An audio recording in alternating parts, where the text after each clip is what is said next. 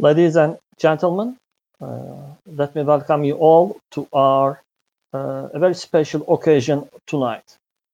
Uh, I am Hussein Alptekin from SETA and from Medipol University, and I will be the moderator for today's discussion, for today's panel presentations.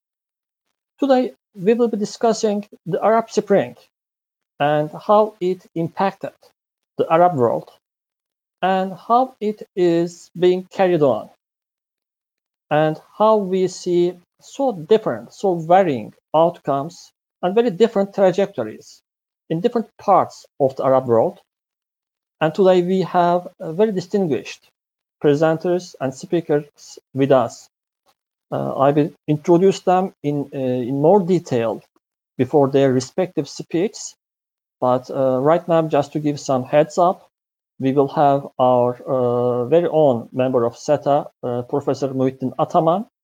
We will start with his keynote speech. And then uh, we will have uh, Tevekkül Karman, uh, who is the recipient of Nobel Peace Prize in 2011. And she will be our keynote speaker for the night.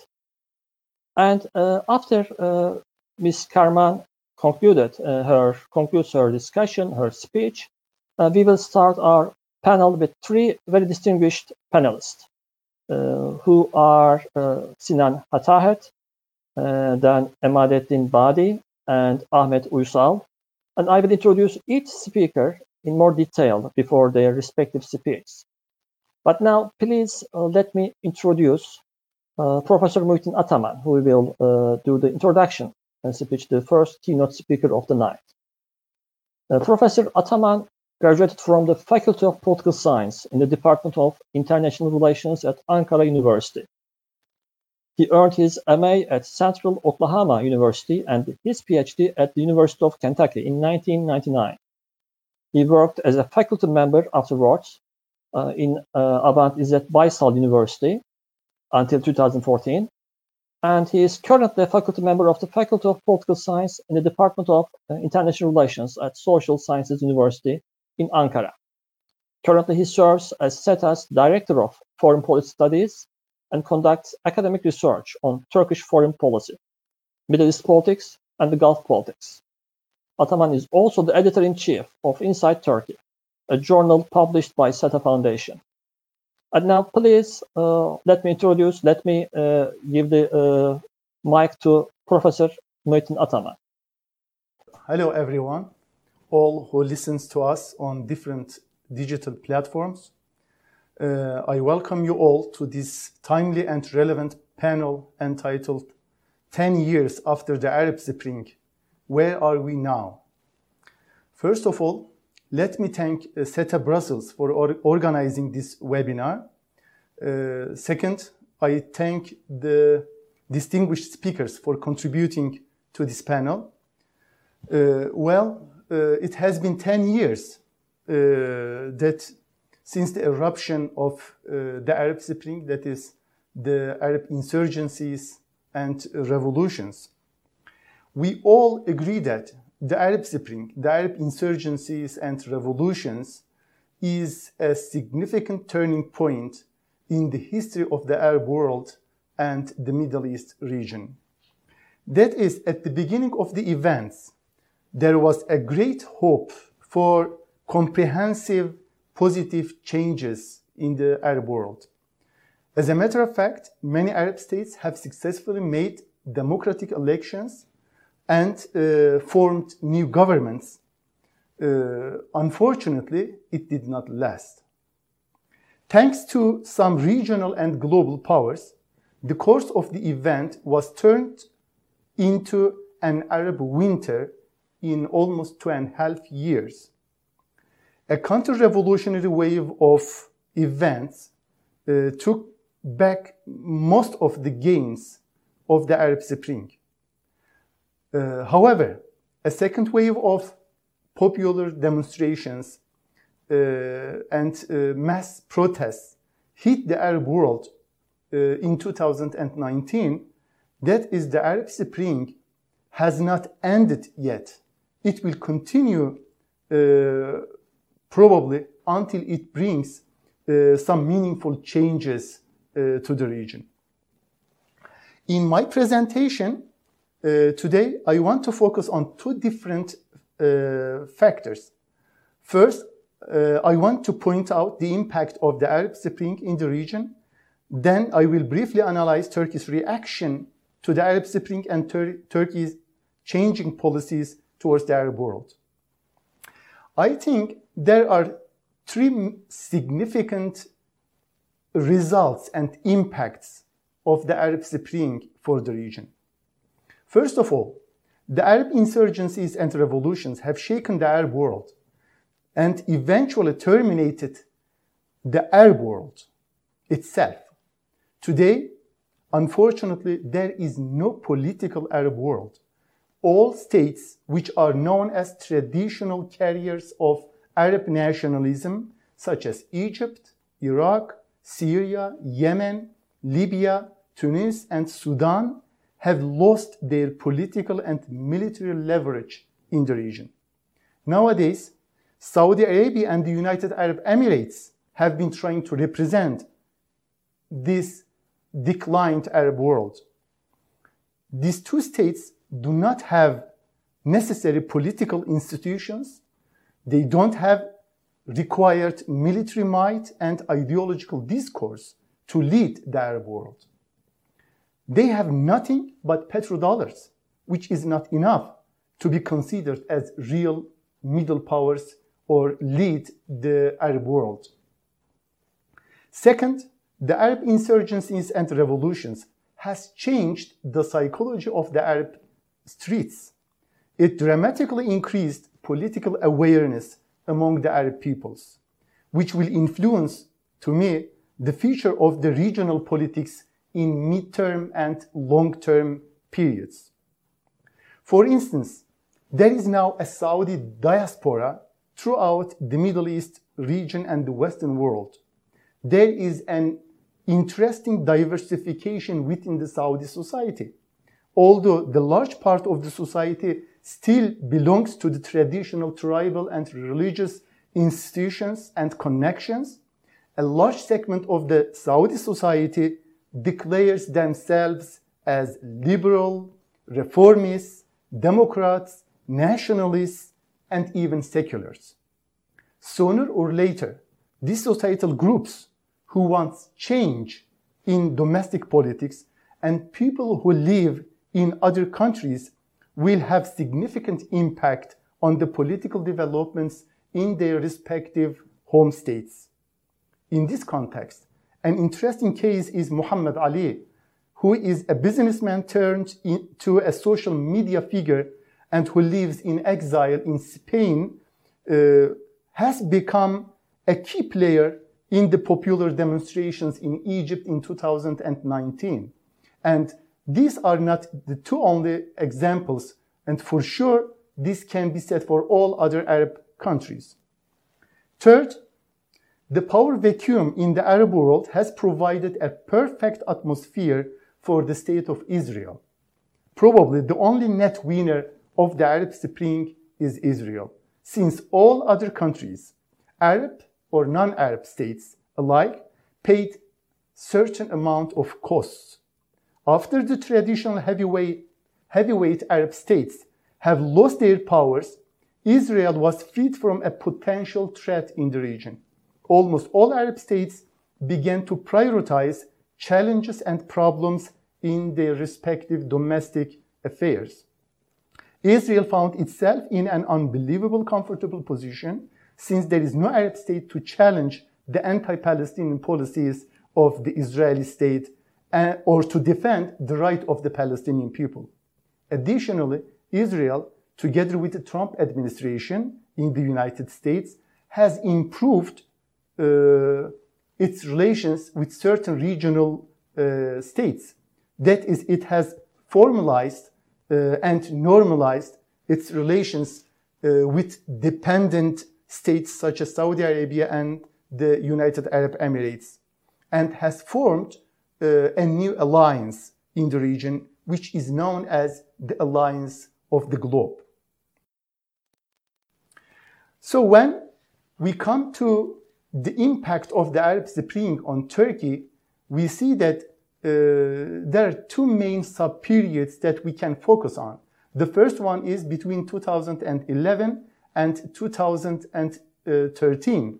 That is the real Arab Spring period. But then, starting with 2013, mid, uh, the middle of the year, uh, with the military coup in Egypt, the Sisi coup in Egypt, uh, the spring was turned into an Arab winter, and it also directly influenced Turkey's uh, perspective towards the region. Recently, Turkey has emerged as a regional leader in the Middle East during the post-Arab Spring. Turkey began to effectively intervene into the regional crisis and became a game changer uh, power in the region. Turkey has followed a regional policy based on the following factors. First, Turkey has been supporting gradual changes in the region, and therefore it has been supporting powers of change. Uh, in response, some regional and global actors, such as the United Arab Emirates, Saudi Arabia, Egypt, uh, and some Western countries, they began to isolate Turkey from the Arab world. Therefore, when regional and global players uh, began to intervene into the regional crisis, Turkey has changed its regional policy. It has restructured its policy from a heavily humanitarian approach to a security perspective, since many actors began to uh, directly threaten Turkey's territorial integrity and political independence. For this purpose, Turkey began to mobilize its hard power and to uh, play a realpolitik centered game. Second, Turkish regional perspective differs significantly from the regional perspective of many regional and global powers. While Turkey has been supporting the regional peoples and democratic developments, the other side, uh, which is uh, represented by a large coalition of states, has been supporting authoritarianism and despotism in the Arab world. These conflicting perspectives are witnessed in almost all regional issues, such as the Syrian, Libyan, and Qatari crisis. In Syria, while Turkey has been supporting the mainstream opposition, which is mainly represented, uh, has been representing the Syrian people, uh, these states, they have been supporting the Assad regime. In Libya, Turkey has been, the UN, has been supporting the UN recognized government of the GNA led by Sarraj, uh, while the other side has been supporting the putschist, despotic, and authoritarian personality of uh, Haftar, which is a proxy. Uh, and similarly, all these states have been just ignoring uh, the most recent developments in the Palestinian-Israeli issue, and Turkey remained alone, uh, challenging these unilateral steps taken by the Israeli government and the Trump administration. The alliance of the globe, led by Israel, the United Arab Emirates, and Saudi Arabia, attempted to punish Qatar in 2017, and Turkey one more time has broken the game and intervened into the crisis on the side of the legitimate Qatari government. Third, Turkey has been supporting the status quo of the regional international border. That is, Turkey has been supporting territorial integrity of all countries in, in their world. Turkey does not want the implementation of Sykes-Picot version 2 uh, that is a second partition of the Arab world. Turkey does not support the creation of artificial and mini states in the region. Fourth, Turkey claims that the solution of regional crisis is possible only at the regional level. That is, regional mechanisms must be used for the solution of the regional problems. The intervention of global powers complicates the issues rather than solving them. Fifth, the Arab world has lost its vulnerable institutions. Turkey wants to contribute to the reconstruction of the state institutions in the Arab world, especially in Syria and in Libya. And I believe that institutionalization is a precondition of normalization and democratization in the Arab world. Last but not the least, Turkey has been supporting the newly emerged Arab diaspora and opposition. Turkey began to host a large Arab diaspora and opposition figures within its borders. Different Arab opposition groups living in Turkey has been trying to change domestic politics of their respective countries. However, doing that, Turkey uh, will uh, significantly contribute uh, to these reforms, uh, which will contribute to the democratization uh, of the region. When I say democratization, uh, I mean that is the representation of the popular will in the political administration. And I think the process will continue. Uh, so uh, the game is not over yet. Uh, for sure, any artificial dependent proxy actors are destined to lose in the region. And uh, thank you very much uh, for listening uh, to this presentation. Thank you, Professor Ataman, for your introductory speech and for your comments on Turkey's perspective uh, on the process of the Arab Spring. And now uh, I am turning to our uh, keynote speaker for the night, Ms. Tevekkül Karman. But please let me introduce her before she starts her, her speech. Uh, Tevekkül Karman uh, was uh, awarded the Nobel Peace Prize in 2011 in recognition for her non-violent struggle for democracy and her advocacy for women's rights in Yemen. Unfortunately, Karman has been imprisoned on a number of occasions for her pro-democracy, pro-human rights protests.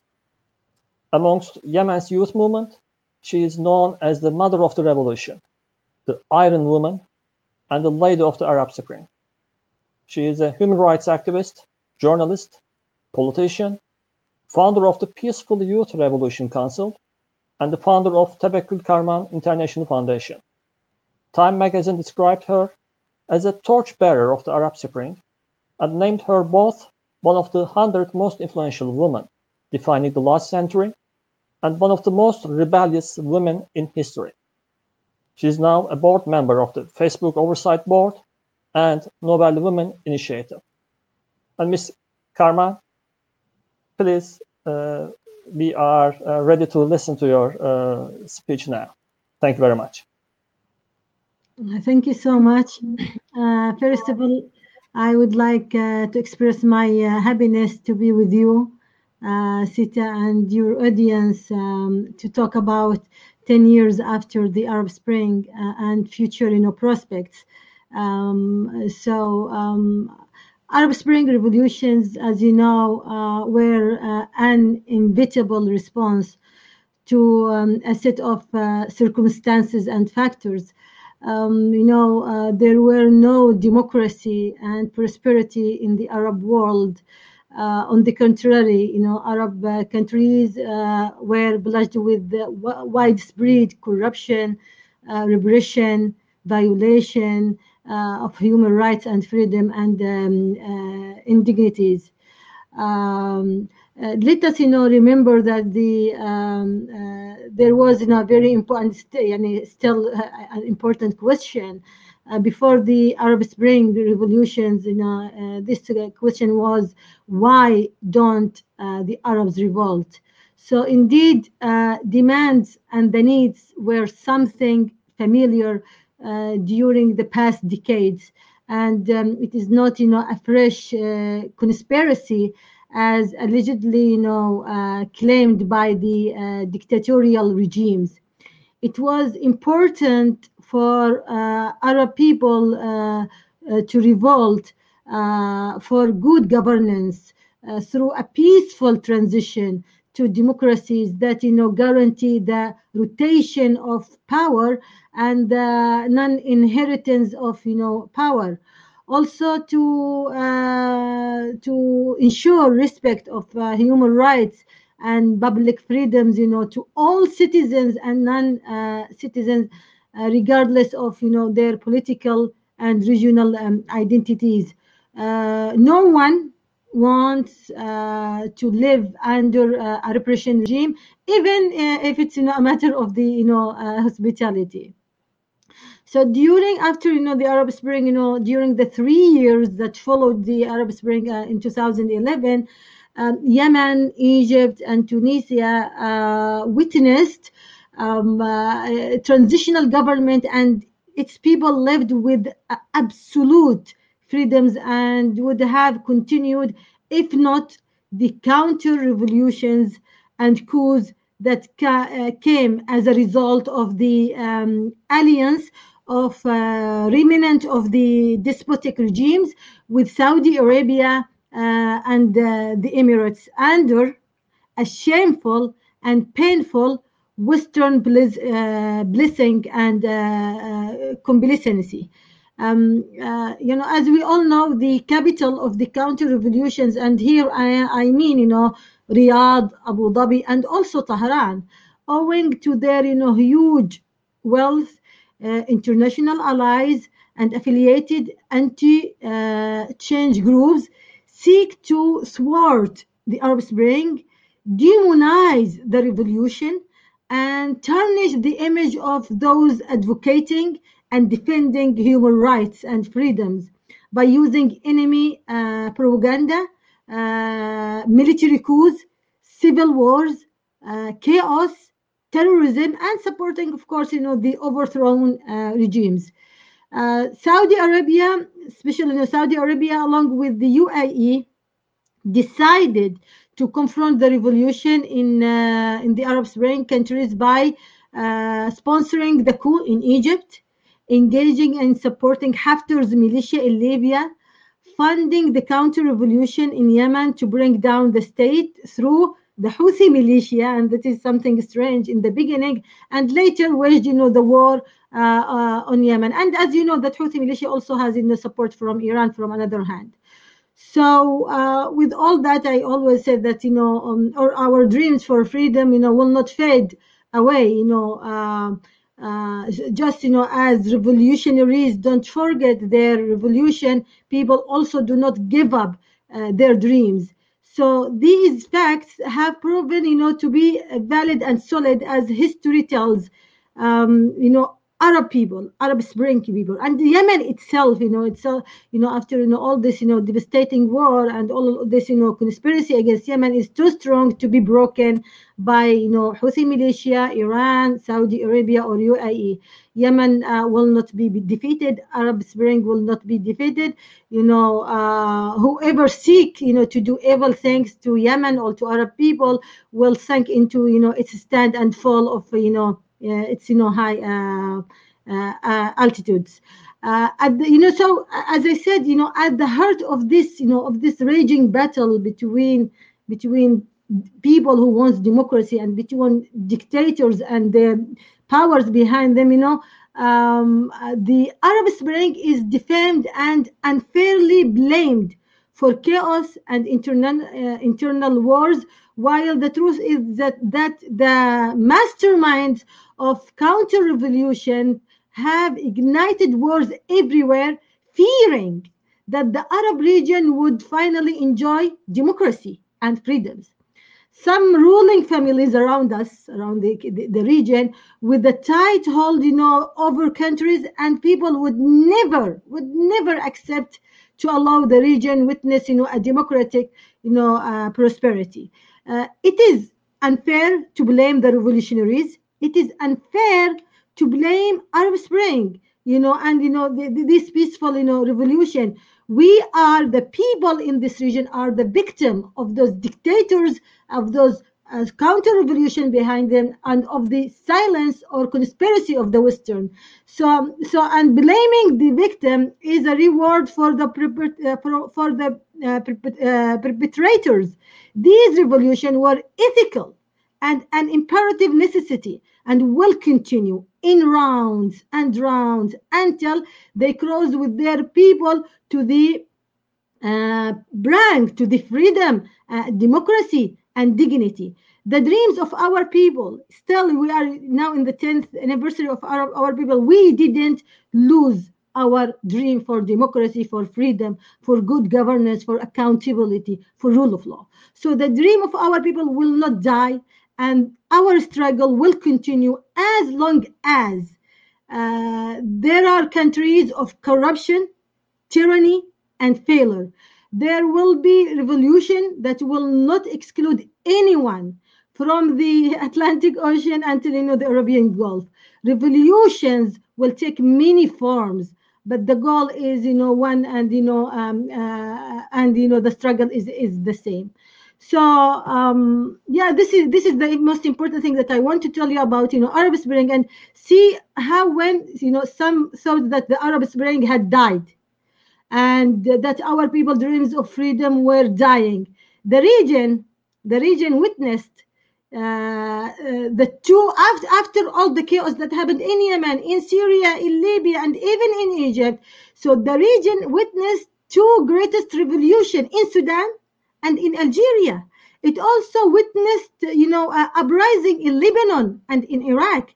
So this is a very, a very, you know, uh, evidence that people didn't give up, and and because you know the coronavirus that stopped the people from making continuing their their their their uh, their, their uh, demonstration against their sectarian regime or dictatorial regime, the revolution would have been able to bring down the corrupt and failed, you know, sectarian regimes in Iraq and in Lebanon, and certainly, you know, they revive, you know, after the end of the pandemic at the end i want to you know that, to, to, to tell you that the tough the toughest lesson we learned in the arab spring is that western uh, regimes are not concerned with the uh, human rights issues in our you know arab region.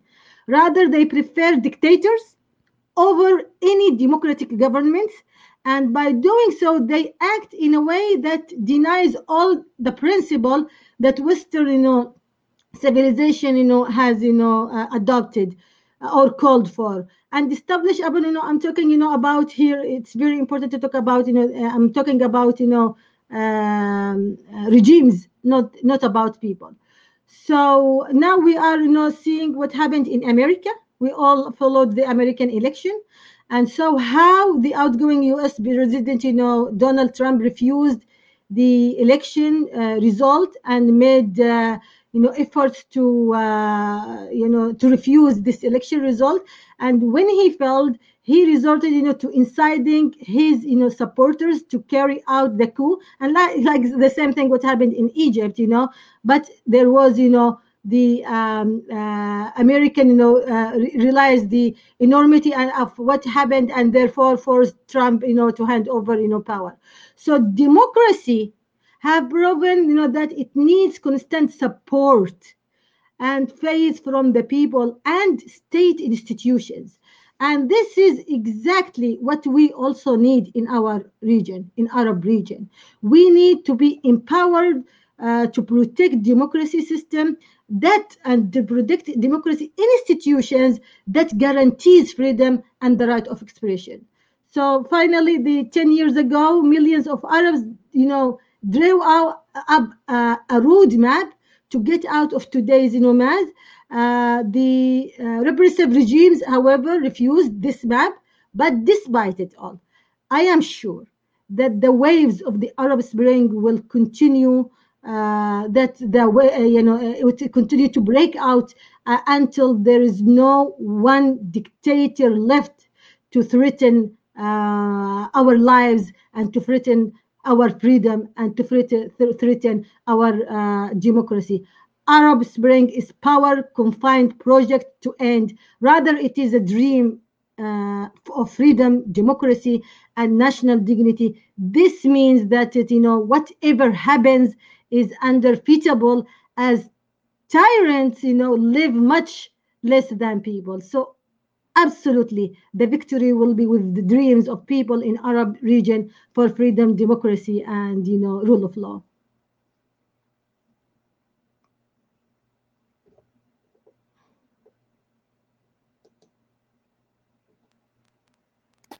thank you ms karman for this uh, very inspiring and encouraging speech you just delivered.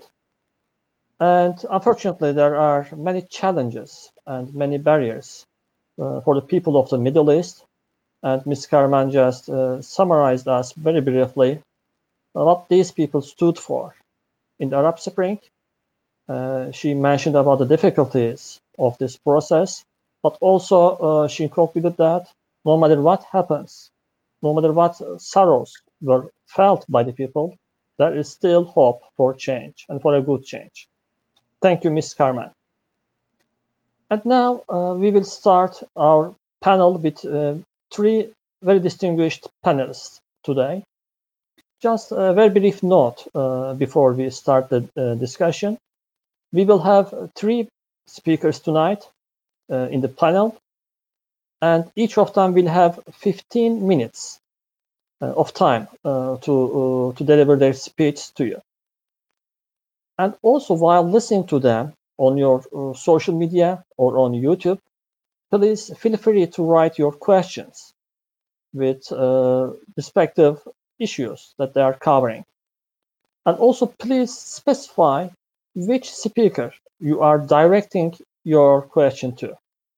And after all three speakers uh, complete their speech, then we will have the QA session, and I will read uh, your questions from the comments section and I will direct them to the respective speakers. And with that, please let me present uh, the first panelist of today, who is uh, Sinan, uh, Dr. Sinan Hatahet. Sinan Hatahet is a senior fellow researcher in Omran Center for Strategic Studies and the Wartime and Post-Conflicts in Syria program in the European University Institute. He is a consultant advising a number of think tanks and research centers on Syria and the Middle East. His research is concentrated on governance and local administration, political economy, Kurdish political movements, and the new regional order in the Middle East. Hatahet holds a PhD degree in cybersecurity from the University of Technology of Compiègne. And he will right now uh, present uh, his ideas for the Arab Spring with a focus on Syria. Mr. Hatahet, please. Thank you, Hussein Bey. Uh, and thank you, uh, SETA, also for hosting us. And uh, I would also like to thank all uh, people present uh, on this webinar.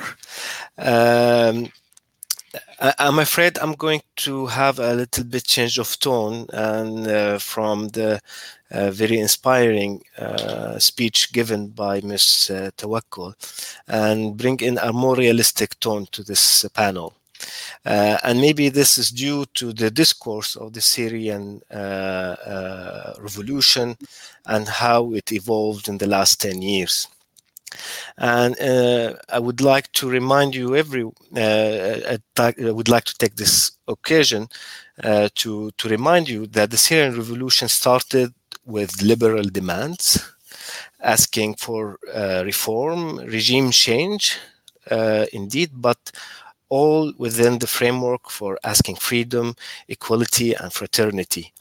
And we also add, a lot of people add the fourth uh, major component, which is dignity.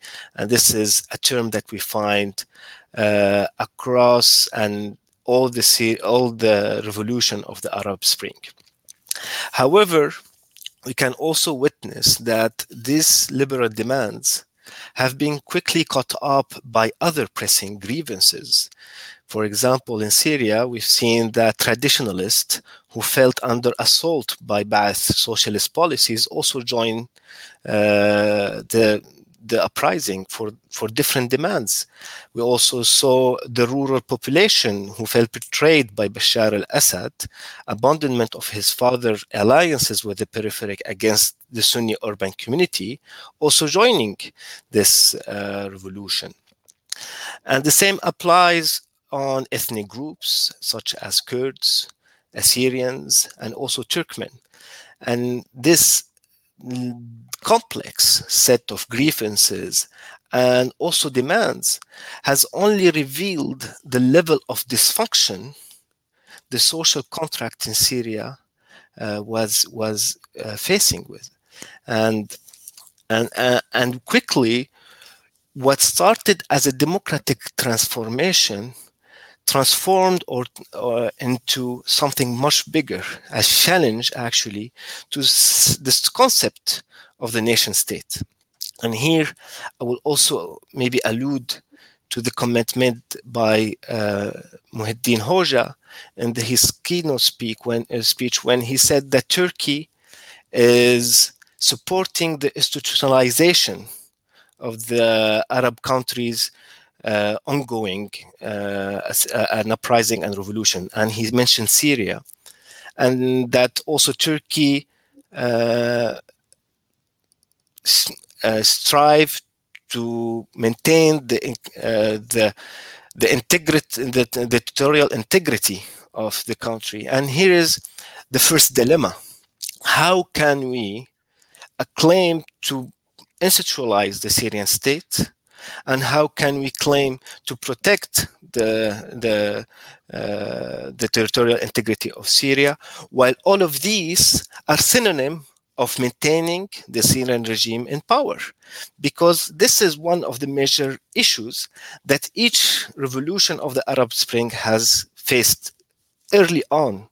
That the state, the, nation state that has been created and established by the post World War uh, One uh, dynamics have uh, created a central state under the regime under uh, the control of the re- political regimes that is taken hostages by these political regimes and it is quasi impossible to preserve them while change, demanding change regime change and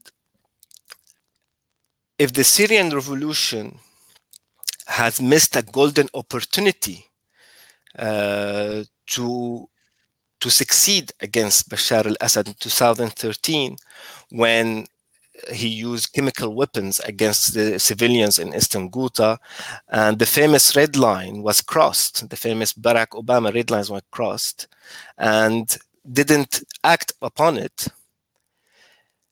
We could mm, spend many days and de- debating what would have happened if actually Obama has, you know, intervened we would have missed, most probably seen a crumble in, in, the, in Damascus and a quick overthrow of Bashar al-Assad. But what would have come next? Would have the Syrian revolutionary forces were capable of maintaining the state's institution? Most probably not, not because of their fault or the lack of capacity, even though this exists and we must acknowledge, but because the state has been built to not survive any regime change. So for any regional actors, also international actors, and but in this case, let's focus on Turkey, who is a major ally of the Arab Spring, and maybe the last one, the mass, maybe the last standing man today today on, on the regional scene. How can how can we claim to protect the integrity of the Syrian uh, revolution, uh, sorry, uh, uh, uh, territorial integrity. Same goes also for Libya. Same goes for Yemen. Without hindering hindering the the, the, the, the Syrian the, the, the political regime's capacity to survive. So here we didn't find any any answers. We often uh, rely on political uh, negotiations. We've seen this ongoing in Syria since 2014 for six years. The Syrian opposition have sat with the Syrian regime in Geneva in different formats with different also faces and names from the Syrian opposition, sometimes diluting it and also bringing in uh, figures who are close to the regime in order to facilitate and just to move forward the negotiations. But still, but even then, we couldn't reach such uh, such uh, a resolution. So uh, I think one thing that we need to make sure that there is no quick wins, unfortunately, in the in, in, in the Syrian case. But I can also say the same about the Arab Spring. There is no quick solutions. There is no quick uh, uh, wins. What we are going to witness is a more generational change uh, and a bottom grassroots movement, bottom to up, where we see communities taking into hands their own destiny, destiny and reorganizing themselves. So they also, so at the same time, they also redefine the social contracts and also the relationship with the neighbor communities.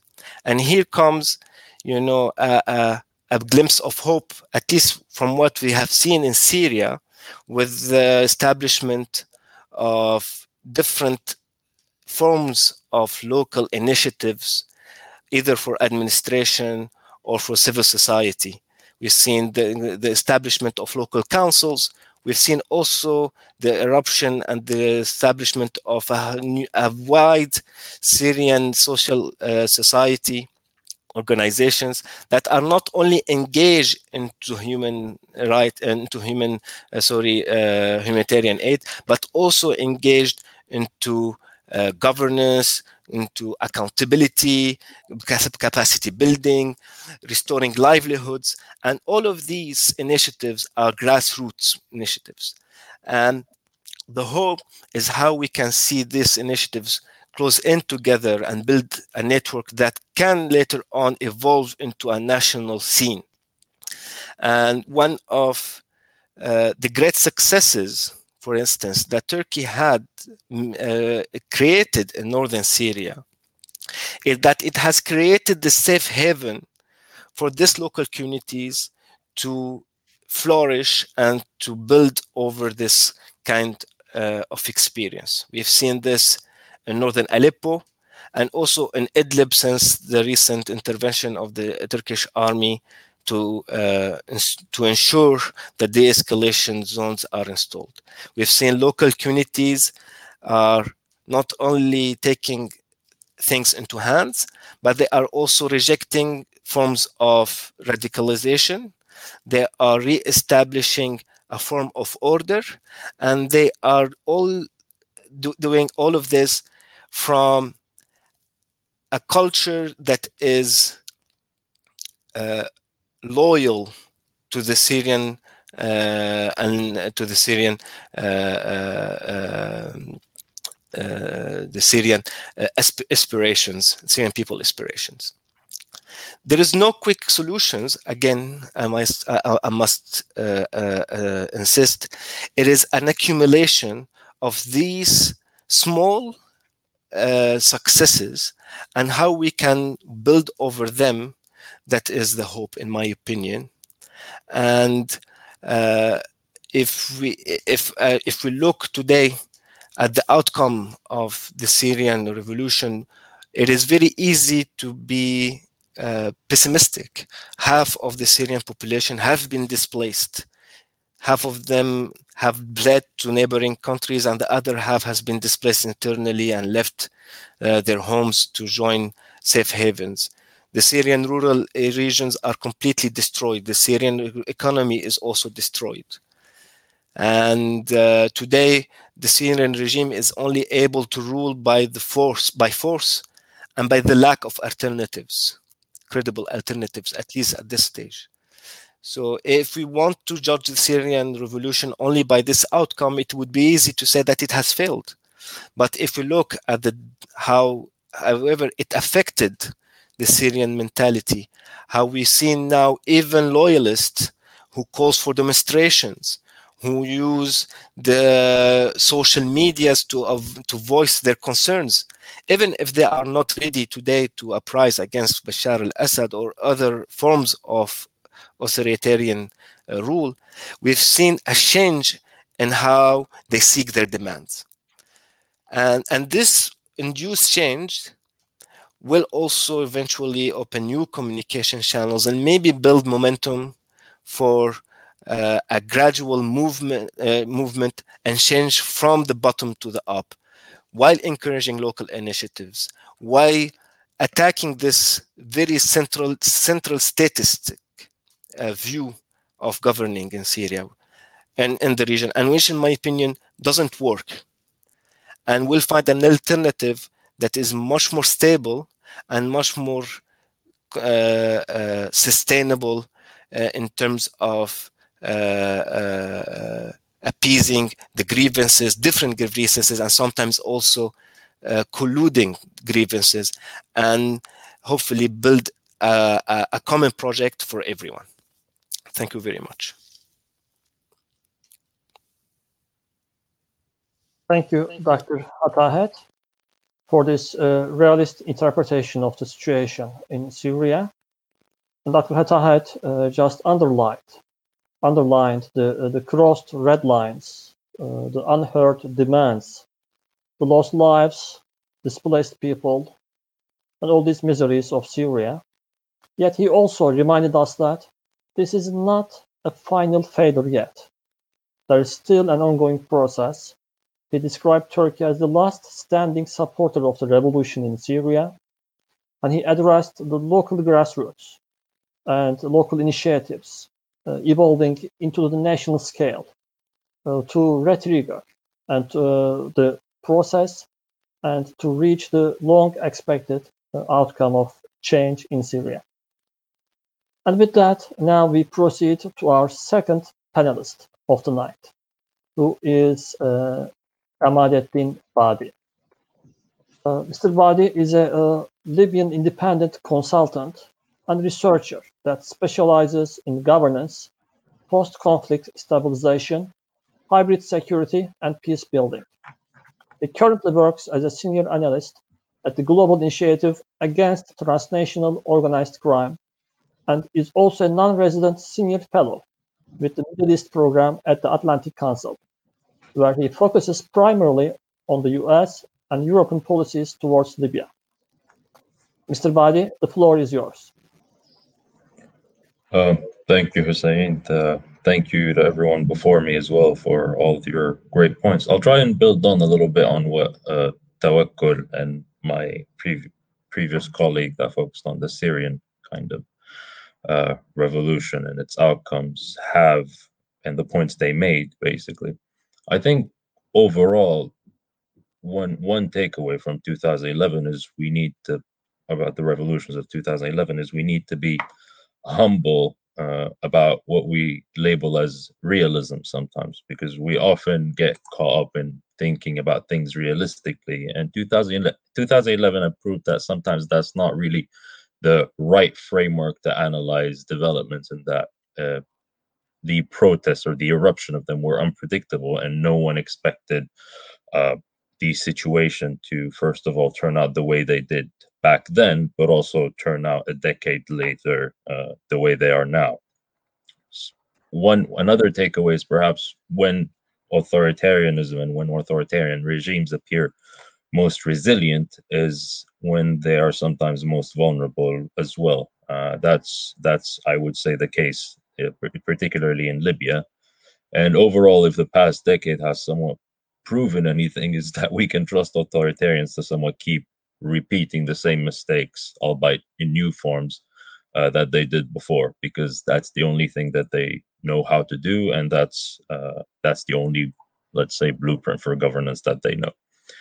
Um, uh, maybe in terms of the Libyan revolution, I'll, I'll, differentiate it perhaps a little bit, at least, uh, from the other ones. Um, in Libya, from my perspective at least, the, the main galvanizing kind of factor for protests to erupt weren't necessarily uh, economic factors. At least those didn't feature prominently uh, as the main kind of factor that influenced the eruption of the revolution as such. I think the main factor in Libya was actually that there was a very visible, very almost palpable, but something that people didn't really want to almost talk about due to the culture of political repression that Gaddafi had. There was a glass ceiling for justice and accountability. And that had carried away over time. It stemmed from long-standing grievances and a total absence of justice that compiled over decades of Gaddafi's rule, uh, whether it be massacres, uh, like particular events, or even state-led policies. And that's also particularly why a lot of people in Libya, at least, or some of those that were involved in the revolution, reject this notion that it was an Arab Spring because a lot of these, uh, a lot of the constituencies that kind of participated in the revolution were also not very happy with uh, Gaddafi's veiled pan-Arabist aspirations through which he consolidated his rule. So that's part part of the reason why also this this labeling of it uh, as an Arab Spring in Libya with certain minorities is particularly contentious. But uh, back to the initial point that I wanted to make is the economic factors featured less prominently as a galvanizing factor for protest and aspirations for justice and accountability. And this somewhat conflated with an anti-authoritarian stance. Why? Because the aspirations kind of for justice, for rule of law, uh, for accountability, and for some form of transparent governance, and for reforms at large those were viewed as completely anti-ethical with with a antithetical with a with the form of personalized rule that Gaddafi or even anyone else would have had afterwards. So that's part of the reason why perhaps our revolution was slightly different in that justice was perhaps one of the main one of the main kind of factors that influenced the protest eruption. And I think this is a dynamic that hasn't necessarily been uh, captured uh, a lot and something that hasn't been focused on in whether it be in policy circles or in uh, or in the discourse at large. A decade a decade on, obviously, that's no longer even part of the policy debate. And uh, as Tawakkul mentioned, human rights aren't really a priority, so the issue of accountability is kind of swept under the rug in favor of shady political deals brokered in uh, foreign capitals, etc. But maybe we can stick to a 30 kind of thousand foot point of view and we can dig deeper in the q&a afterwards on uh, on what i'm talking about here.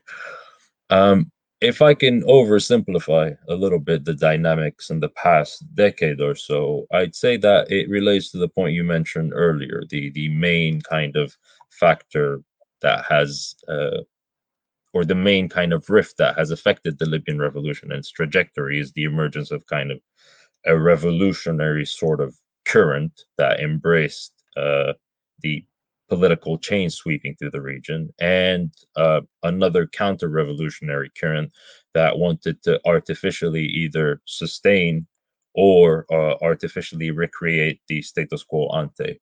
Um, and this artificial recreation or, or sustention of the status quo was often done through violent means, whereas the political the embrace of kind of the revolutionary change was often done uh, through transnational networks and through uh, brokering brokering let's say political deals and building building those networks kind of. Uh, i think where we perhaps didn't do well uh, as libyans is that ultimately after the ouster of gaddafi the Libyan political elite stopped short when it came to altering the governance structure that he had left uh, and that he had designed over his decades long rule. Uh, we ended up in a situation where we had kind of various internal camps, either claiming to represent a particular geographic, uh, ideological, uh, or a particular a geographic geographic locale or a constituency or a political ideology. And these essentially weren't focused on building consensus amongst them. Uh, as soon as Gaddafi was dead, they fought over the levers of uh, his state. I think in many ways it speaks to the amount or the influence that Gaddafi had over the political culture writ large, in that really there was no one that was able to imagine, even without uh, Gaddafi being there, there was no one that was able to imagine a state that uh, wasn't really structured in the way that he had left it. So, what we had instead of at, after the revolution is basically a system that was hollowed out, uh, broken, somewhat worked had Gaddafi been there uh, still, but uh, was bound to almost fragment, institutionally weaken, and really not work with him being absent. Uh, another thing that we had is also a greedy political elite, whether they be affiliated with the revolutionary or the counter revolutionary current, because the, their greed really opened up Libya for foreign exploitations. And uh, unlike, let's say, Tunisia, which is perhaps the blueprint for how a revolution can, to an extent, succeed or a democratic transition be achieved, they really didn't focus on engaging in genuine, let's say, pluralistic consensus building, etc.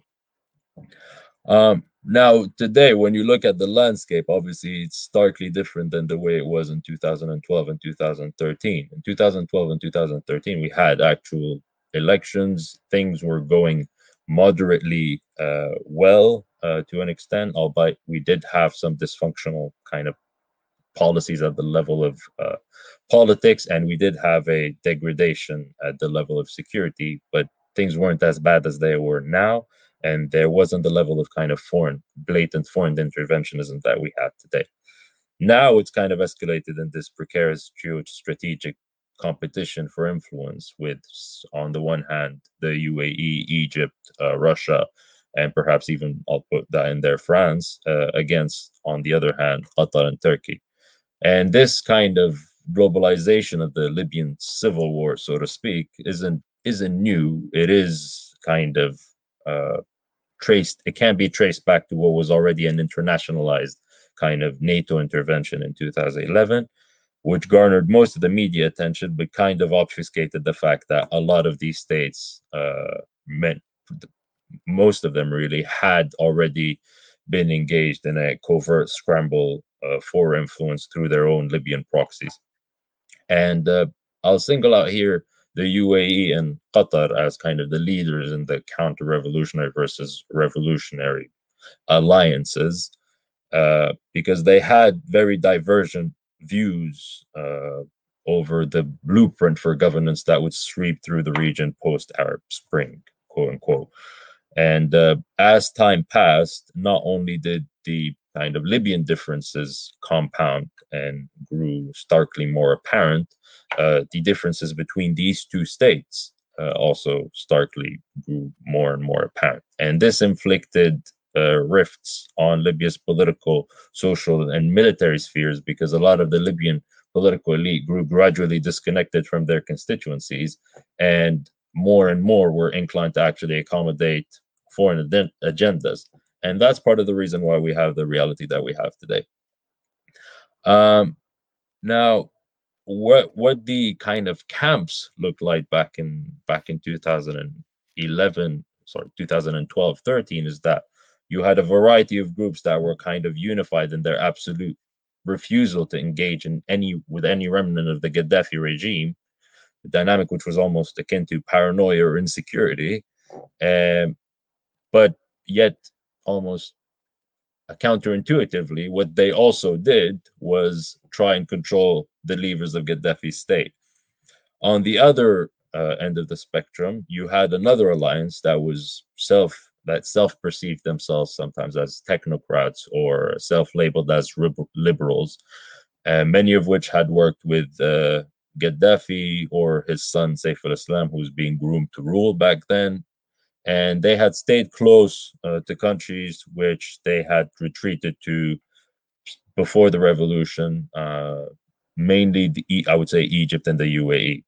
This split, or this these two networks, so to speak, uh, and the differences between them, really toxified Libyan politics. And uh, in a fragile and kind of nascent period where they gradually accommodated foreign agendas more and more, that meant that there was no effective political direction and sometimes the even very very silly i would say uh, decisions uh, were viewed in very zero sum term and uh, essentially gradually opened us uh, more and more to foreigners intervening on behalf of their libyan kind of proxies um, now, the figurehead that kind of emerged as the face of the counter-revolutionary current in Libya uh, is Khalifa Haftar, whom you know and have referred to earlier. Um, and uh, I think it speaks volumes the fact that he kind of didn't have, he had a very marginal role in 2011, but was able primarily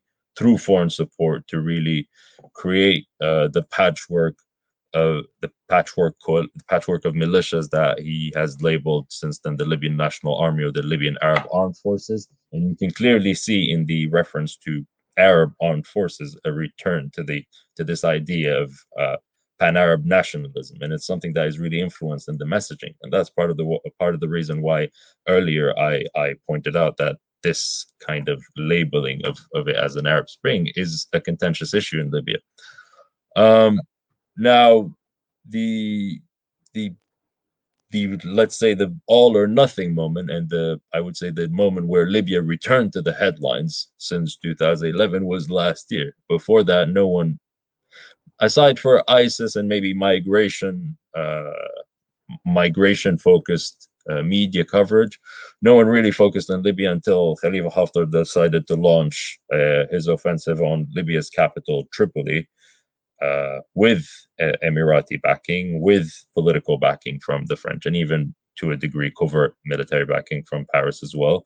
And uh, ultimately, also in August of last year, with a direct intervention of Russian mercenaries to support his faltering war effort because he hadn't succeeded in what he envisioned as a kind of quick uh, blitzkrieg that would return Libya to authoritarianism had failed.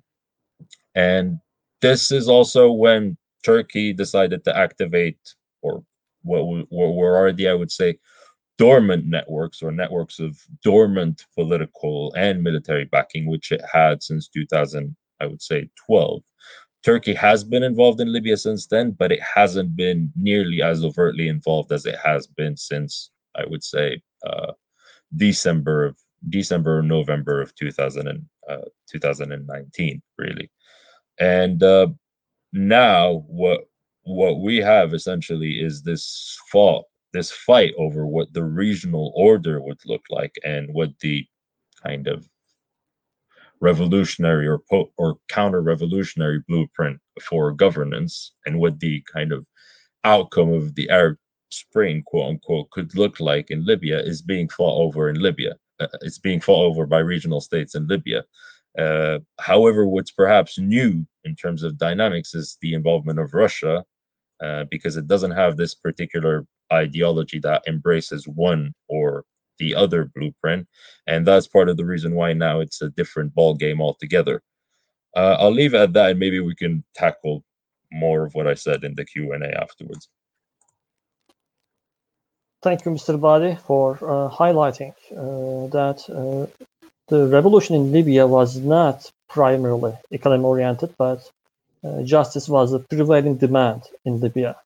And now, uh, as uh, Mr. Badi highlighted, Gaddafi is long gone, yet the governing elites are still struggling uh, to dismantle the previous political structure and to create a pluralistic uh, political consensus. Uh, yet now, more and more, Libya is becoming uh, a tension point between the local and international alliances uh, between uh, revolutionary and counter-revolutionary uh, ball game, as Mr. Badi put it. And with that, now we are turning to our uh, last speaker of the night, uh, Professor Ahmet Uysal. Professor Uysal is a political sociologist interested in studying Arab affairs and Turkish-Arab relations. He is the General Coordinator of Center for Middle Eastern Studies, ORSAM. Professor Uysal received his master's and doctoral degrees in the Southern Illinois University, USA, and he has coordinated several Arab-Turkish congresses of social sciences since 2010. And he wishes to advance academic cooperation among Turkey and Arab world. He follows the developments in Turkey and Arab world and works to improve understanding and cooperation at academic and social levels. He writes and comments on Turkish and the Middle Eastern affairs in national and international platforms. Professor Uysal, the floor is yours, and we are expecting to hear your comments on Turkey's perspective on the Arab Spring. Thank you, Dr. Hussein, and uh, I'm happy to be with you, and thanks for the invitation and the speakers and it's been like 10 years now and uh, the middle east is not uh, stabilized and settled so the democratic aspirations as the many speakers freedom dignity and bread or uh, good living are still uh, uh, alive and did not disappear but uh, they were hurt in a way to uh, to they were being challenged by crisis and conflicts, etc. Uh, and uh, so uh, the picture is not as as bright, but uh, there is hope. Uh, so Turkey suffered from also authoritarian rule, especially in, in the name of Kemalism and ultra secularism radical secularism in a way that banned many practices of uh, Islam.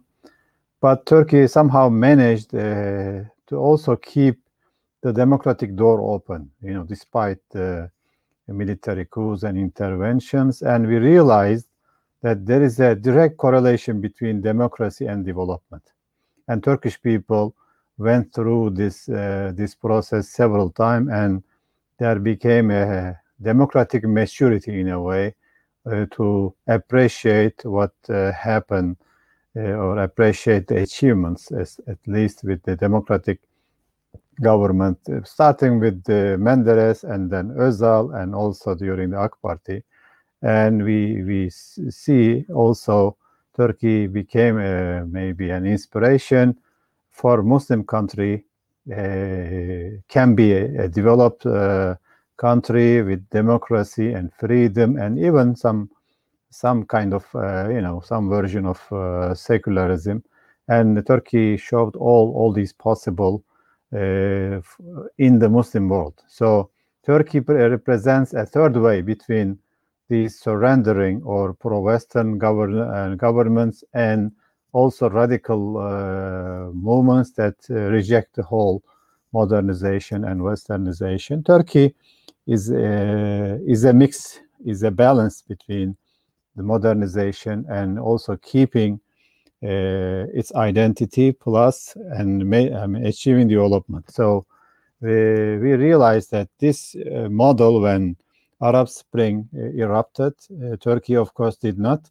instigate these protests, but Turkey was very happy to see also other neighbors to become democratized, and Turkey have seen no problem with Arab democratization or the strengthening of Syria or Egypt or others because we know democracy is when uh, people choose their leaders, they work for their people.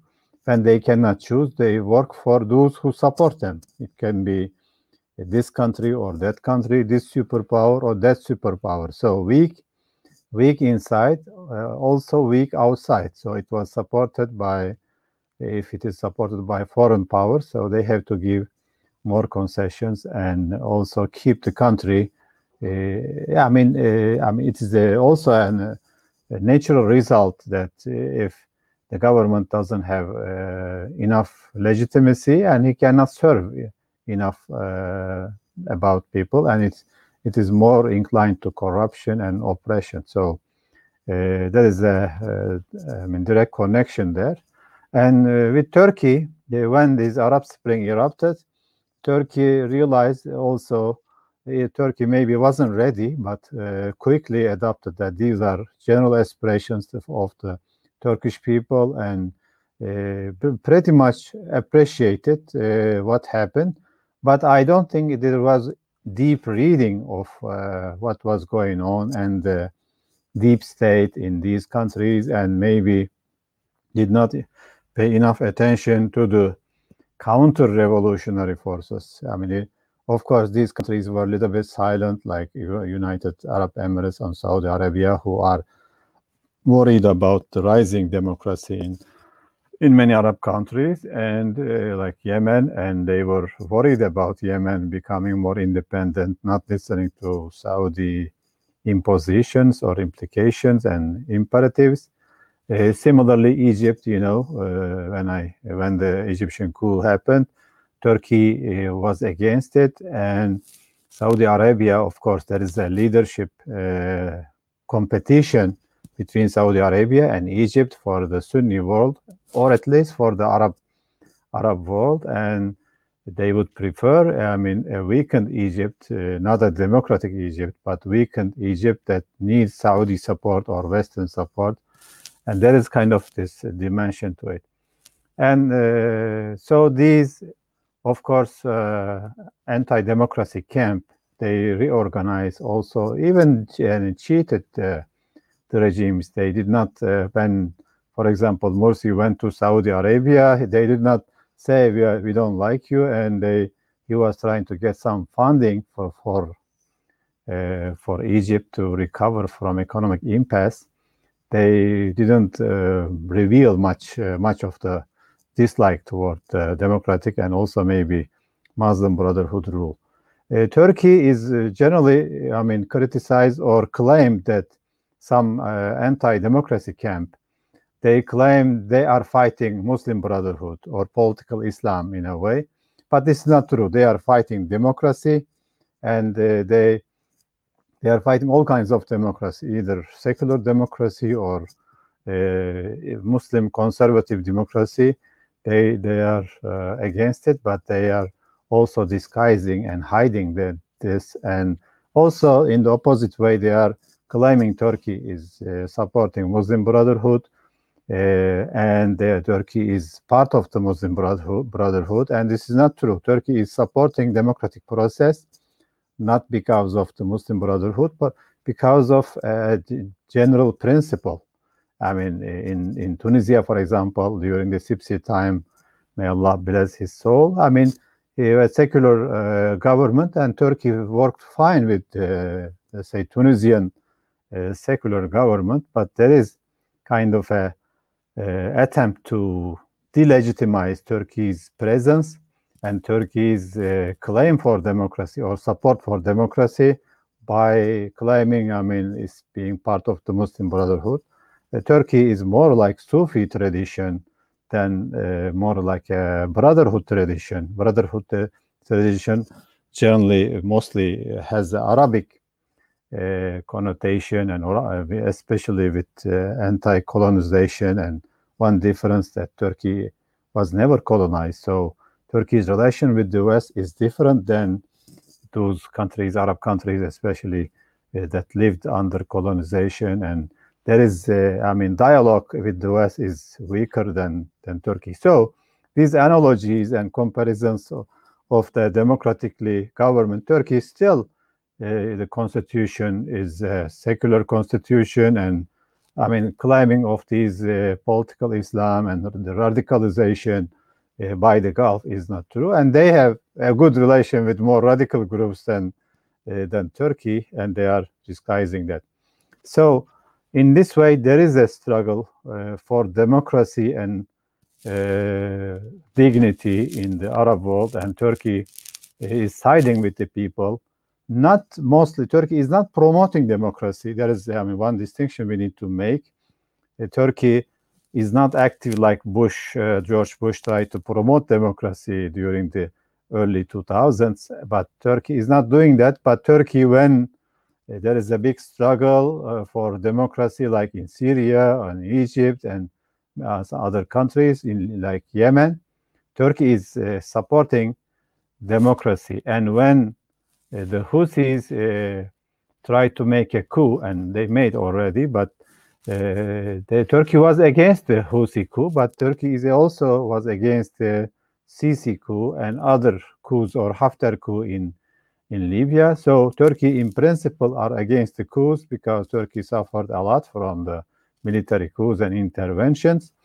And uh, in this way, uh, Turkey is in, I mean, is systematic, is is more consistent. Uh, also, in in Bahrain, for example, Turkey side not distinguish between Shia or Sunni demands. Turkey also recognized the valuable demands for democracy in, in Bahrain. So Turkey was more consistent, more understanding, and maybe uh, against the Houthis, Houthi coup, but uh, later it, we understand that also Saudis, they are not after democracy, even though they are against the Houthi coup in, in Yemen, but they are not uh, actually uh, for democratic uh, transition in Yemen and in similarly in, in Libya. So we had a, a natural, maybe, controversy or kind of discrepancy with the status quo and authoritarian camp, uh, we can say. Of course, we should not uh, despair about democracy, uh, and there are there is enough hopes, enough indicators, and despair also will help dictators and authoritarian regimes. They want to force you to sub submission and uh, so i mean despair and surrendering is not is not good uh, and uh, we know obama he said red line or this line that line in syria they, he blew it. He just let them alone let them down. I think uh, biden maybe administration can take a different approach because there are serious differences now serious challenges. He might pay attention but we cannot count on him because he was the vice president of uh, Obama that time. He knows all the uh, all the meaning of the developments.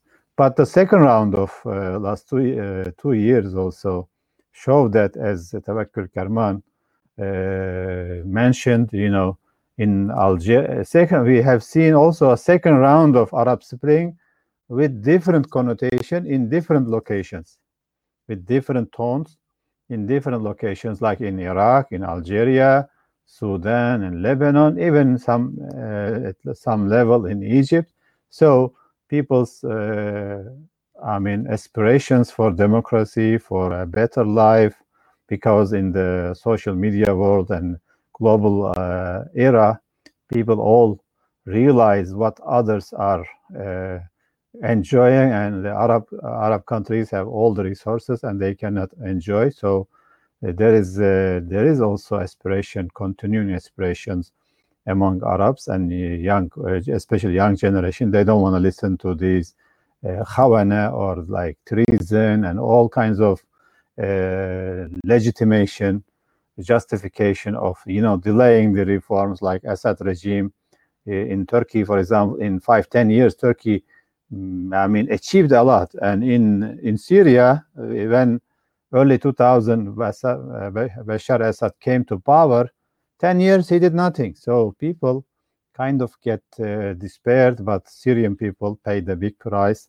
because they already toppled uh, the Assad regime three times with Turkey's support or without. I mean, they it, it was the verge on the verge of falling the Assad regime Hezbollah came to, to, to rescue and wasn't enough. Iran came to rescue, wasn't enough. ISIS came to rescue. As you know, ISIS toppled uh, the Sunni opposition rather than the Assad regime. And also, it wasn't enough.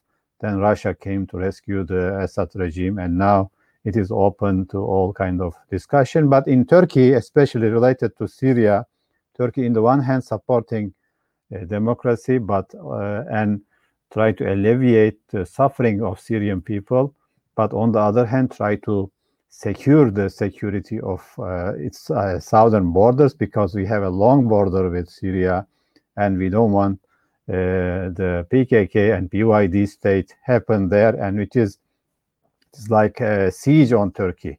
So we cannot accept a Kurdish border, not any Kurdish state, but it's a PKK state. It is a proxy. It become a, a proxy for America, and we don't want another Israel in our southern borders. So, especially Turkey intervened with this regard in Syria, try to secure these uh, the happening of cantonate and then small state or pseudo states in in the south, and then pose a, a threat to Turkey and.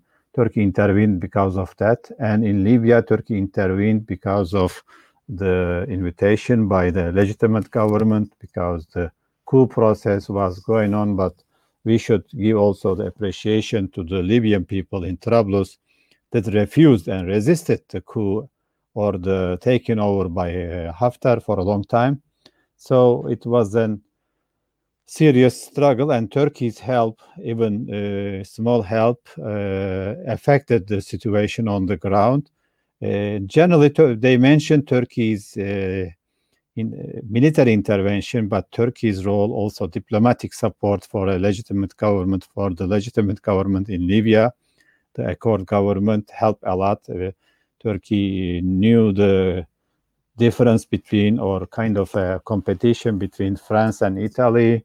and Russia and America and some European uh, priorities. Let's say France wants more focus on Libya, but Germany wants to focus on Eastern Europe and stuff. So Turkey also uh, provided a legal and diplomatic uh, support for uh, Libyan revolution, Libyan aspirations, and Turkey. Uh, now we can say they prevented the, the fight is not over. The problem is not solved yet, but Turkey is for a diplomatic and political solution in Libya. Plus, uh, Turkey also uh, try to support the legitimate government. It is up to Libyans, of course, but we should not tie the hands of the good one or democratic ones and also try to secure its interests in the eastern mediterranean and uh, uh, also in the region because there is an attempt also to to push away turkey from the eastern mediterranean and this is not acceptable and we see as, as turkey in the last point uh, we see uh, i mean the arab people are punished by uh, punished because of their aspiration for democracy and for a better life. They were punished and to choose and to be silent with military coups, civil wars, conflicts, sectarian conflicts, terror and poverty and misery, economic pressure, etc. Of course, some of them Turkey is also punished, but at the end, Turkey is, is strong and Arab people suffered, but I don't think they will give up on uh, on their aspiration. We, we, they realize also like Yemeni people are punished because they want democracy, but without democracy, I mean, uh, having this one's proxy or the other country's proxy is not going to solve Yemeni's problem. Similar in Libya, but we know also these uh, pro uh, pro uh, authoritarianism or anti-democracy camp also they don't want uh, they a unity. They want divisions more in in the, in these neighboring countries. They there is a project. I mean, they support the division in most of, mostly. I mean, in Yemen, in Libya, in Syria. Uh, unfortunately, I mean, Arab world is divided enough, and they they want to divide more to to make the big countries, big powers, uh, more be more comfortable in this region. But this is not going to help and Turkey's policy also to keep the unity of these countries, uh, especially Syria, unity of Syria and unity of Iraq, unity of Libya are very, we see it uh, good for uh, the local people, Libyan people, for example, and good for Turkey. We don't want um, more divisions. There is already 22 countries in the Arab League and uh, having more than uh, more will not help. I think more we need more unity and cooperation among Arabs and in the region also regional cooperation. And one last thing also, Turkey uh, supports regional solutions to regional problems like Yemeni uh, crisis or Syrian crisis. It is better to solve them regionally. If uh, Saudi Arabia and Iran is fighting, for example, in Yemen, it's better uh, for them to solve it among themselves. Any solution imposed from outside will neither serve Saudi Arabia or nor Iran. Similarly, in uh, in Libya, also in Syria, and in Syria, we know uh, Turkey tried hard uh, to to convince Iran to stop uh, supporting uh, Assad regime and stop the bloodshed, and then but Iran did not come close. But Turkey, uh, when they started with Putin and Russia, Iranians joined. Now they are happy that at least there is not much fighting. They began to appreciate, but we need this regional dialogue and regional uh, kind of uh, de-escalation uh, further and more. So Turkey's vision, I think, is is is more constructive and more uh, humane, more acceptable uh, overall. Uh, and uh, I don't buy the Turkey is supporting only political Islam and uh, only for the Turkey is pragmatic, not just to summarize, not promoting democracy, but they are, if they have to choose a side, they they support the democratic aspirations and demands for, by the majority people. So plus also Turkey tries to stay away from sectarianism that also hurt uh, many countries like uh, Syria, Yemen, and even hurting Iraq and uh, now and maybe Le Lebanon. So try to be away from the sectarian uh, mentality. Uh, so we'll see more. Uh, I think Turkey will be a, a, player in these in these conflicts. Will have more to say as a medium power in the region. Thank you very much. Thank you, Professor Uysal, for uh, summarizing the ups and downs of the Arab Spring in different corners from uh, from Tunisia to Yemen, with a uh, particular focus on Turkey's involvement in the process. And Professor Uysal uh, stated that uh, although Turkey is being portrayed as a sponsor of uh, political Islam for the Arab Spring, to despise, to delegitimize uh, Turkey's involvement and the Arab Spring itself. Uh, the truth is, for Professor Uysal, is Turkey is looking for uh, regional solutions for this regional problem. And with that, I thank uh, for all our speakers for the night, and we can proceed to the QA session.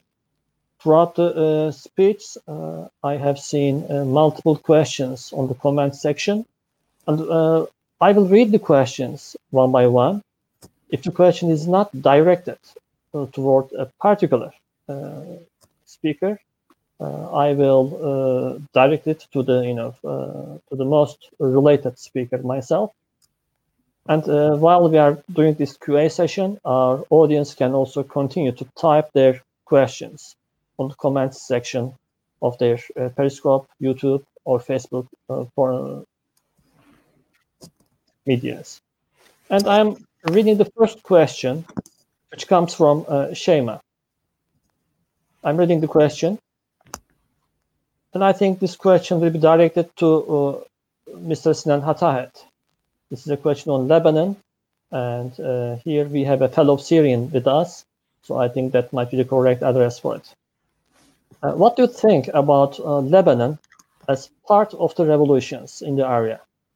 does the political system can change in the country or we have to talk about some reforms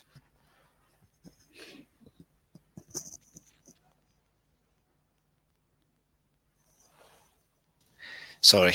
Yes, uh, thank you for this very important question. And I think the Lebanese themselves are asking them, uh, themselves this question every day. Uh, the current political system is the, the offshoot, um, the result of Taif agreements uh, following the, uh, the Lebanese um, civil war and it is built over an alliance or a coalition uh, uh, between the different political parties and families because this is also very important to understand in the lebanese context that the political parties are synonym of political families. Uh, and today, the average Lebanese uh, citizen is has um, very, very little maneuver to do without affiliating himself either to uh, one family or the other. Uh, I think that the Lebanese uh, uprising could only succeed if it attacks the whole system of uh, of this uh, uh, cohabitation between these different parties, including the parties that so-called so-called parties of opposition, because themselves would only change uh, the faces of how the regime change uh, works and uh, and how the state works. So it is a, a, very challenging um, uh, uh, Uh, uh, discourse uh, for for the Lebanese uh, people, and it becomes even more challenging when when it has Syria next door because Syria next door is not only synonym of chaos, but it's also synonym of a Syrian regime who has played uh, and, and, still is an active actor in how the Lebanese uh, uh, domestic politics are being uh, um, are being done and being conducted. and without also forgetting the intervention of Iran and also Saudi Arabia with different actors. Um, so to sum up, I think it is a little bit too early to describe the, Syrian, the Lebanese uh, uprising as a revolution. Uh, it is um, one of the toughest terrain, and it can only succeed if it touches base and it challenges the whole uh, uh notion of this cohabitation among these families and parties uh, on which the Ta'if uh, agreement has been built over. thank you. Uh, Mr. Dr. Hatahet. And the second question goes for our second speaker, for Mr. Badi. And this question comes from Murat Sahlul. Uh, let me put it to a question form uh, briefly. I will a little bit uh, paraphrase it. So uh, it was a surprise, uh, the fall of the Morsi regime in Egypt. It was a surprise. However, it was also a surprise that we saw a chain of outbreaks of new revolutions in Algeria and Sudan, and even in Lebanon and Iraq. So can we say that uh, the Arab Spring, the revolution, is still growing? Yeah, uh, I mean the dynamics that really, although maybe perhaps they have changed to an extent. Um, you referred earlier to the Le- Lebanese kind of protests. I think the Lebanese were very wary of being involved in the protests in 2011 for several several different reasons. Uh, it's the dynamics are slightly similar in terms of other uh, states that neighbor Libya uh, about whether they wanted to engage back then in protests or not. Obviously, all these decisions are also sometimes based on geography, sometimes based on opportunity cost, rationality. In Libya, they were also partly influenced by the kind of reaction to uh, Gaddafi's approach to repressing the protests, really. Uh, and you can clearly see that those that approach the protests with violence that has somewhat backfired on them. I don't know if, if Assad is particularly happy with the outcome of the Syrian kind of conflict. Perhaps, perhaps he is, since uh, constituencies don't really matter to him clearly. But uh, I think a lot of the other authoritarians have somewhat learned lessons from that and have learned to approach approach things differently.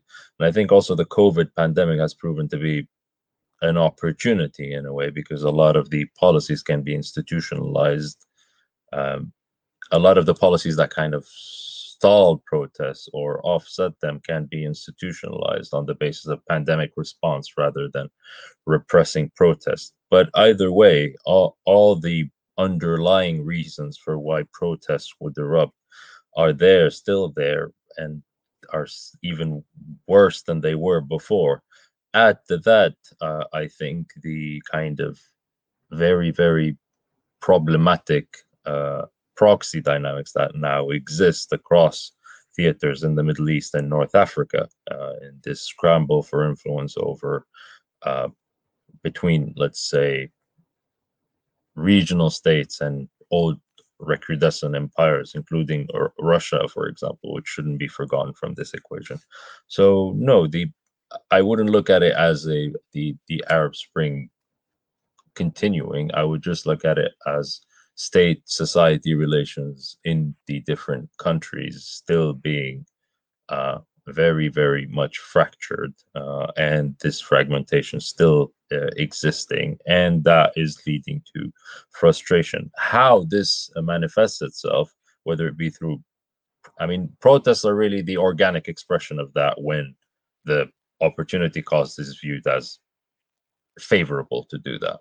Uh, and the problem is, I think, for a lot of even even in Libya, for example, is you had some protests in the past year or so, but the problem is the opportunity cost is now far higher uh, than it was before because going out and protesting when everyone has a gun is problematic. And I will say that in 2011, at least, after Gaddafi had consolidated his rule for 42 years or so, uh, the let's say overt expressions over of oppression weren't there. So it's not like people were uh, expect. It's not like people were acutely aware, especially young ones, of the extent uh, of repression that he would be able to exhibit. And I think a lot of people were also shocked with the fact that Saif al-Islam, even his son that was being groomed, that was supposedly a liberal, etc., went out and said, "Oh, well, we're probably yeah, we'll we'll kill you all," basically. And they were very hard line about about their approach to this. So now people that were 20 year olds or even 15 year olds back then that remember that who are now 25 year olds they're acutely aware of the opportunity cost of going uh, of going out and protesting and i think that's part of the reason why there's still a barrier on that front however uh, in another 10 years i think there will be a generation that will de facto have far less to lose from going out and protesting. Uh, and it's undeniable that uh, the kind of most most of the states in most of the kind of our region states the population is getting younger. So this kind of barrier uh, or this generational divide so to speak between the authoritarian rulers that are growing increasingly old and the gen kind of younger generation that is increasingly connected to the world increasingly has uh, an awareness of what democratic norms what transparency what justice what other kind of governance blueprints exist in the world and I also travel and see that. Uh, i think there this discrepancy in kind of mindsets will widen uh, over time. Thank you mr Badi. the next question comes from Ayşe Bozkurt to uh, professor ahmet uysal and the question is what do you think about authority vacuum after the assad regime the situation can be dangerous for Turkey. In other words, uh, is any authority better than no authority in Syria? Yeah, it's a good question. And uh, actually, Assad uh, doesn't have any authority. Assad cannot rule two thirds of the country. He cannot control. On one side, there is Americans and uh, PYD action. On the other hand, there is Turkey controlled and sponsored uh, areas in the north. And Iran is there, Russia is uh, there to say the final word. So uh, there is a vacuum already that's filled by other powers. And Assad regime, I mean, lost the legitimacy, killed a million. And I mean, how, how worse it can get. And the country is uh, doesn't have any money. America is controlling the oil and with PYD. So uh, actually, it is better that uh, this regime goes and there is a, a new democratic uh, government that maybe consider the Russian interest and Iranian interest and Western interest, and without fighting, there we can solve the problem. There is a democratic process is going on in Syria with the constitution writing. There is a plan by the UN supported uh, plan transition that and uh, foresees the foresees the the writing of constitution and then electing the new government. But Assad regime is trying to delay this as much as possible. Always in Turkish we say, I mean, throwing the ball to the to the outside. Uh, so it is on the, touchline.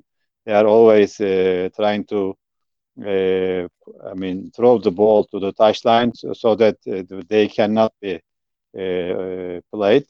Uh, and this is the logic, and uh, I, I don't see it is a major concern. Of course, Westerners say, where I mean, there is ISIS and all this, these are exaggerated. You know how how much uh, a balloon was ISIS, just to keep uh, to keep Assad regime in power. Actually, ISIS is uh, is a I mean, there is ISIS, but it is uh, overblown and it is also made up. It was an artificial threat. Uh, so I don't see uh, this uh, lack of Assad or lack of authority is a problem. There is already lack of authority. Now we need to have a legitimate authority in, in Syria. That's the work we should work for. Uh, work for. Thank, thank you. you. Thank you, Mr. Uysal. And here's the second round of questions, starting with uh, Dr. Hatahet. The question is, the governance crisis of all the countries in the region leads to fragile societies, which also undermined the Arab uprising. Why do you think that the people in the region couldn't reach a consensus for the purpose of at least better governance? where there is no consensus for better governance? Well, yeah, th- th- there is two reasons, two set of reasons. There are reasons that are related uh, to the authority uh, in place, the authoritarian regimes, you know, uh, do everything possible in their uh, capacity to prevent any kind of uh, consensus building among the among the people. This is true in Syria. This is true in Egypt. This is true everywhere, and this is mainly condoned through the state institutions. Once again, that are hostage to these regimes. Uh, this is how they use the politic, uh, the, pol- uh, the police state apparatus, how they use also the other state apparatus into preventing this kind of alternatives. Uh, so the, uh, and we can spend long hours uh, detailing the different tactics implemented by different regimes and how they are very creative actually in coming up with ways to further divide the, their constituent societies.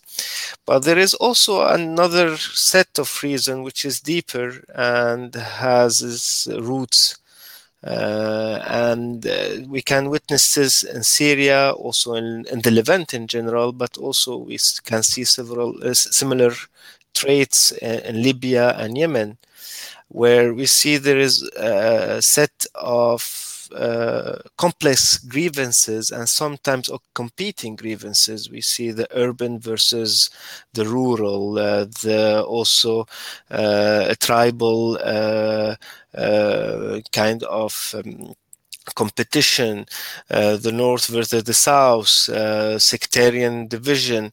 And uh, even though you know democracy uh, could bring solutions for coexistence for creating uh, a national narrative that can you know gather everyone around it, it, it, it this comes uh, with different level of maturities not within not when not during a conflict where uh, every needs is put on the line and it's very normal to see people acting uh, uh, to to protect their own narrow identities, and this is what we've seen in Syria in several cases. So uh, I wouldn't I, I, wouldn't be alarmed too much saying that this cannot be changed. It, it, it definitely can change. We've seen uh, you know several eras uh, in the recent history of the Arab world where uh, this the local the you know the people have over came uh, these divisions, but we cannot take them lightly. They exist, and uh, the only way to, uh, to, to transform them into uh, uh, a power of diversity and also power of um, of unity is when they all uh, work together for a common project. Uh, democracy is only uh, the expression of this common project. The common project is much deeper. It's a it's a, it's a, social, a social contract. It's as how we we we uh, we interact with our neighbors. It's how we interact with our regional uh, uh, order, uh, and we cannot we cannot just overburden the people the, the people to change everything with a magic wand called this a revolution is this is type of tra transformations that are generational that needs time. And we've seen this for example in turkey. And uh, professor uh, ahmed has mentioned how this has been gone over several decades. We mentioned he mentioned uh, Menderes, Ozal, and then coming to the uh, AK Party, this came through waves, and we cannot just uh, sh shortcut the the Arab uprising or even the, the the change towards democracy in the Arab world with 10 years only. This will take time, and we need to be patient. Thank you, Dr. Hatahet.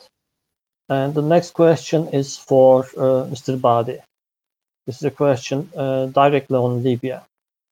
Uh, do you think, uh, and this question comes from Aisha Aydin, by the way, uh, do you think Haftar is following the footsteps of Gaddafi? And do you think he is trying to portray himself as a fighter leader who is fighting against terrorism, imperialism, such a jargon? Do you see some similarities in his ways to hijack the revolution uh, in a Gaddafi style, let's call it?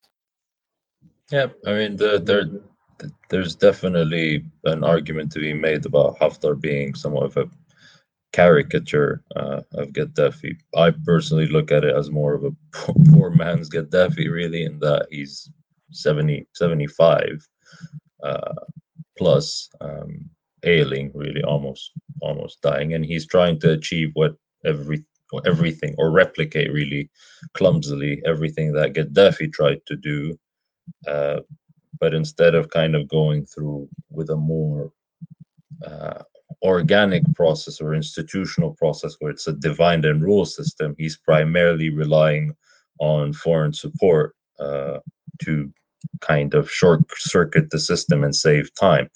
But he's caught up in a race in a race against that because he doesn't have the, the time to consolidate. First of all, his rule. Second of all, the Libya that he is trying to recreate, the Libya that was under Gaddafi, has proven not to be a system that is resilient in the first place, and that it has previously collapsed. Um, so there, there are there are several problematic facets uh, there. Then the other the other facet that is also problematic is that there's only I think the amount of violence that is being unleashed on the population writ large in order for him to achieve this has uh, over the past i would say since particularly since 2019 has made really the narrative uh, that he had usually ridden this narrative of inevitability, this narrative that he his army, so-called army, would provide security, etc. It has gradually collapsed as the force as his forces kind of rampage through the country. Uh, so yes, he is trying to emulate kind of uh, authoritarian an authoritarian blueprint that Gaddafi utilized. He sometimes it's the parallels are almost quite funny to be honest in that he's trying to groom sons in a, in the same way Gaddafi did back then one for politics one that uh, two that are involved in the military one that is slightly dabbling with uh, political Salafism uh, Salaf, a Salafist ideology kind of. So and that's exactly the same thing that Gaddafi did. But where I see the main difference between them being is Gaddafi's kind of rise to power was almost you could argue was almost bloodless. His consolidation of rule over time was very much repressive and relied on a process of social engineering, ideology, and institutional weak, institutional weakening and coup-proofing of the Libyan armed forces as such, and creating parallel armed structures, etc. Uh, Haftar is basically trying to do all that in five to six years. Um, I think whatever legacy he leaves behind uh, is going to be quite ugly and is going to cause the situation to be far worse than it is now, ironically, because really what he has created is an, unsus- an unsustainably uh, an, a, co- a, coalition that cannot uh, be uh, sustained without him at its helm, which arguably Gaddafi had done at the level of institution, but he's doing that at the level of uh, really armed coalitions. And what this means is that you won't have politicians that are fighting over the levers of Gaddafi's state like they did in 2011. You will have uh, armed groups that aligned with Haftar that will fight against each other for the foreign support that he was channeling. So people that are fighting over Emirati support, over Russian support, etc.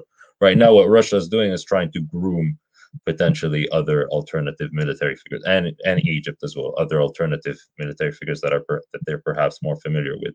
It's we're yet to see whether that effort will succeed, and even if it does, it won't. The coalition that they'll be able to kind of keep together won't resemble what Haftar has at the moment. So that ultimately means that whatever it looks like, it won't look like what it looks like now, and there will be ultimately a level of conflict. It's just a matter of how much damage he'll do before he dies. Thank you. Thank you very much. And the last question of the night is for uh, Mr. Uysal. And I will unite two questions actually. Uh, I will unite two questions from uh, Nesim Öztürk, who asks about uh, the the divisive agendas of the global and regional powers in Yemen. And despite that, can we still see a united Yemen despite all this conflict of regional and global powers? And as a follow-up from uh, Bushra Akyüz, the question is, what is the role of women for the next round, next wave of Arab Spring, if there will be a second wave? Please. Uh. Yes, uh, good questions. And uh, we two sides for the divisive nature. Yemenis, even though some countries are fueling sectarianism and provoking sectarianism, Yemenis actually they uh, they they don't want to be divided and they don't want to suffer like uh, before. But of course, international intervention, regional intervention, make them suffer. And one problem that uh, done, like uh, Libya, these authoritarian regimes, even the coup regimes, they uh, kind of destroy any kind of leadership, popular leadership that can emerge as a uniting uh, fashion. And we have seen assassinations and of young people in Libya, in, in Yemen also, with, uh, with the UAE support mostly. Uh, but Yemen is, uh, I mean, the, still it's not too late to, to unite Yemen. And uh, I don't, uh, especially there is difference between the UAE. UAE, UAE wants to divide Yemen, uh, but when it is divided, it's going to be divided like three, four pieces, which is not good for Saudi Arabia because also in this uh, there emerge a Houthi late Shiite, Shiite country. Saudis don't want that on their border, and uh, but they don't take also a, a strong stance against the UAE's divisive uh, projects. Of, of, course, the UAE is, is also aligned with uh, Israel and with the West, uh, but uh, you know he, they are doing the dirty work with, uh, in the name of the West. So Yemen is is exposed to division, but there is still hope if there is real uh, project or real effort to unite or keep Yemen united. I think Yemenis don't like division overall, but uh, course it is not an easy easy task. Woman question is also very important because women suffer the most with uh, these suffering, with these uh, poverty, with lack of education, with all kinds of developmental issues. Women suffer the most in the Arab world, even when there are enough, uh, even before the Arab Spring, when there are a lot of poverty, you know, the the boys uh, go outside the country and uh, you know they try to, uh, to find their way in, in Europe, in the West, in America, etc. And uh, this migration mostly is a male migration and women uh, also uh, if they study they cannot find job. If they find job they cannot marry. And with the poverty and oppression they are the they are the real sufferers of uh, of this project. That's why of these uh, policies. That's why women took a strong stance against uh, oppressive regimes like Mubarak or Ali Abdullah Saleh and Mr. Tevekkül Karman is one of them that women played a, major role also to challenging these authoritarian regimes, and they still have a role to play to to stop these regimes because sometimes women also represent the moderate but a stronger stronger message. You know, they don't take it to streets so easily, but when they took it, you know, it means there is a serious problem, and it helps to to boost the morale and to boost the dynamics. We know women were very active in Algerian protests, in Sudanese protests, in Lebanese, in even in Iraqi protests. So women uh, are in the Arab world and overall are uh, taking more vocal uh, roles in, in these protests and in demands for for change, political or social or economic change. Women also are active part of the dynamic or these machinery of uh, of change in the Arab world. So women uh, will be more uh, also important in the future for these uh, pushing for change. I mean. Thank you very much, Professor Uysal. And with that, we come to the conclusion of our panel for tonight. I thank uh, all three very distinguished presenters for today. And I also thank uh, our keynote speakers, uh, Professor Ataman and Ms. Uh, Karman, for their participation to this event. And also, I thank the audience for their attention and for these thought provoking questions. Thank you.